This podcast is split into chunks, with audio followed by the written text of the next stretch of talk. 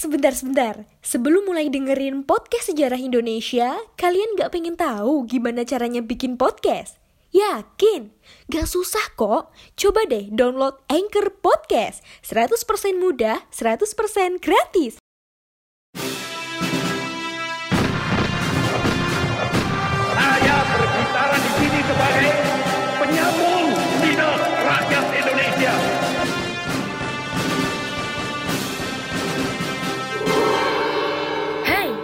Terima kasih sudah memilih mendengarkan kami, Poseidon.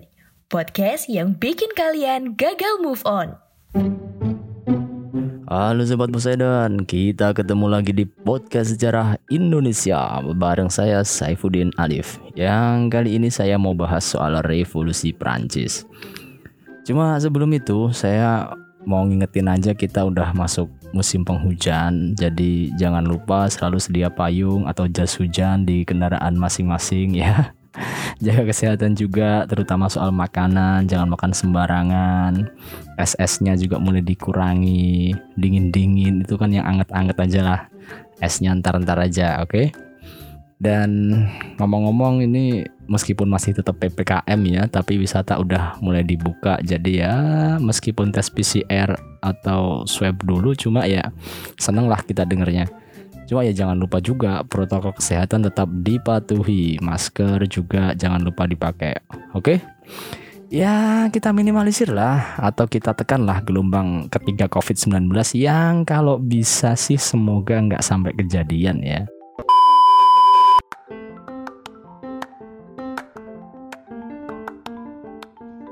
Halo Sobat Poseidon, kalian pasti sudah tidak asing lagi dengan Anchor. Yap, aplikasi penyedia jasa untuk para podcaster pemula dan juga pro. Buat kalian yang pengen mulai nge-podcast, langsung download aja Anchor di App Store ataupun di Play Store. Di sana, kalian bisa nge-podcast dengan banyak banget pilihan background musik. Setelah itu, kalian bisa mempromosikan podcast kalian ke mana pun. Secara otomatis, nanti akan di-sharekan oleh Anchor sendiri. So, tunggu apa lagi? Cus, nge-podcast bareng Anchor.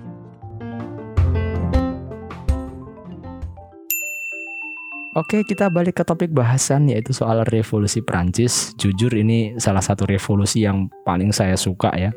Dari sisi semangat revolusinya tentunya yaitu liberté, égalité dan fraternité, kebebasan, persamaan dan persaudaraan. Dan mungkin kita mulai bahas tentang revolusi Prancis ini secara ontologis dulu deh. Jadi apa sih revolusi Prancis itu? Nah, revolusi Prancis ini adalah suatu peristiwa sekaligus periode pergolakan politik yang radikal di Prancis dan berdampak luar biasa signifikan dalam sejarah Prancis bahkan gak cuma Prancis dampaknya ini bahkan menyebar ke seluruh Eropa. Dan dampak dari revolusi ini nggak cuma satu dua tahun ya tapi sampai hari ini. Jadi Prancis hari ini adalah hasil dari revolusi itu. Keren nggak Peristiwa ini terjadi pada 1789 sampai 1799. Ya, sekitar 10 tahunan prosesnya. Dan dalam proses revolusi itu kan harus ada musuh bersama yang harus dijatuhkan. Nah, dalam kasus revolusi Perancis ini siapa yang dijatuhkan? Yang dijatuhkan adalah kerajaan Prancis yang sistemnya monarki absolut dan sudah berabad-abad berkuasa di Prancis. Monarki absolut itu apa sih? Ya, gampangnya semua keputusan itu ada di tangan raja lah. Apa yang diinginkan raja ya itu yang harus dilakukan. Sumber hukum ya kata-kata raja itu sendiri. Kayak yang konon pernah dibilang sama Raja Prancis Louis ke-14, "Lei eta semua", bahwa aku adalah negara. Dan ya sebenarnya model kayak gitu kan nggak salah sih, cuma ya rawan penyelewengan aja karena nggak ada yang kontrol. Kalau rajanya baik sih oke, okay. tapi kalau kebetulan rajanya itu lagi kebetulan raja yang nggak baik gimana? Nah ini yang terjadi di Prancis. Memasuki tahun-tahun revolusi, kerajaan Prancis ini kacau lah. Rajanya nggak peduli sama rakyatnya, pejabat kerajaan banyak yang korup juga, ekonomi drop, panen buruk, kenaikan harga pangan, sistem transportasinya kacau, kekuasaan gereja juga terlalu dominan, macam-macam lah. Belum lagi masalah eh, negara yang nyaris kolaps gara-gara menantang Inggris di perang tujuh tahun. Dan Raja Perancis ketika itu, Louis ke-16 bisa dikatakan raja yang lemah karena dia sering ragu untuk mengambil keputusan. Dan di sisi yang lain, rakyat juga udah jengah sama model monarki absolut yang nggak membawa kesejahteraan buat mereka. Ada kesenjangan yang tajam antara bangsawan dan rakyat. Yang kalau kita pakai istilah Marx ada konflik kelas antara kaum borjuis dan kaum proletar. Ya, ini ditambah lagi muncul tokoh-tokoh Perancis yang membawa ide-ide segar dalam bernegara yang menentang konsep monarki absolut yang dianggap udah ketinggalan zaman.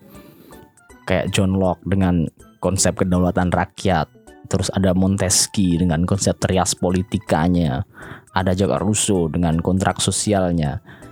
Ide-ide ini semakin menumbuhkan keyakinan di rakyat Perancis kalau monarki absolut itu udah saatnya diakhiri lah. Udah nggak zaman lagi pakai sistem monarki absolut kayak begitu. Dan komplikasi masalah di Prancis inilah yang kemudian menyebabkan rakyat dengan para pejabat yang kontra dengan sistem monarki absolut mencoba memberontak dan menggulingkan kekuasaan Raja Louis ke-16. Nah, sekarang saya coba masuk ke peristiwa revolusinya ya. Jadi awal revolusi ini ditandai dengan penyerbuan rakyat ke penjara Bastille. Penjara benteng yang waktu penyerbuan sebenarnya nggak banyak-banyak amat narapidananya. Cuma tujuh orang. Tapi benteng ini adalah simbol dari kekuasaan monarki waktu itu. Para pemberontak ini mengincar senjata dan amunisi yang ada di benteng itu. Dan dalam hitungan jam ya ya sekitar 7 sampai 8 jam lah kira-kira penjara Bastille ini jatuh ke tangan kaum pemberontak. Kejatuhan penjara Bastille ini kemudian diikuti dengan kekacauan yang terjadi di berbagai daerah di Prancis karena semangat revolusi ini kan terus menyebar. Terus Raja Louis ke mana? Raja Louis nggak bisa apa-apa dia. Dia coba ambil simpati rakyat tapi udah terlalu terlambat. Udah sangat terlambat. Dan singkat kata, Raja Louis XVI dan istrinya ini berhasil ditangkap dan dieksekusi mati oleh kaum pemberontak. Terus, apa dampak dari revolusi ini? Pertama, monarki dihapuskan jelas dan diganti dengan sistem republik yang sekuler. Sekuler itu artinya ya kekuasaan agama dan negara dipisah.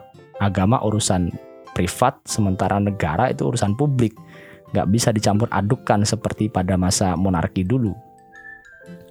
Kemudian dalam bidang sosial, stratifikasi sosial pada masa monarki absolut itu dihapuskan.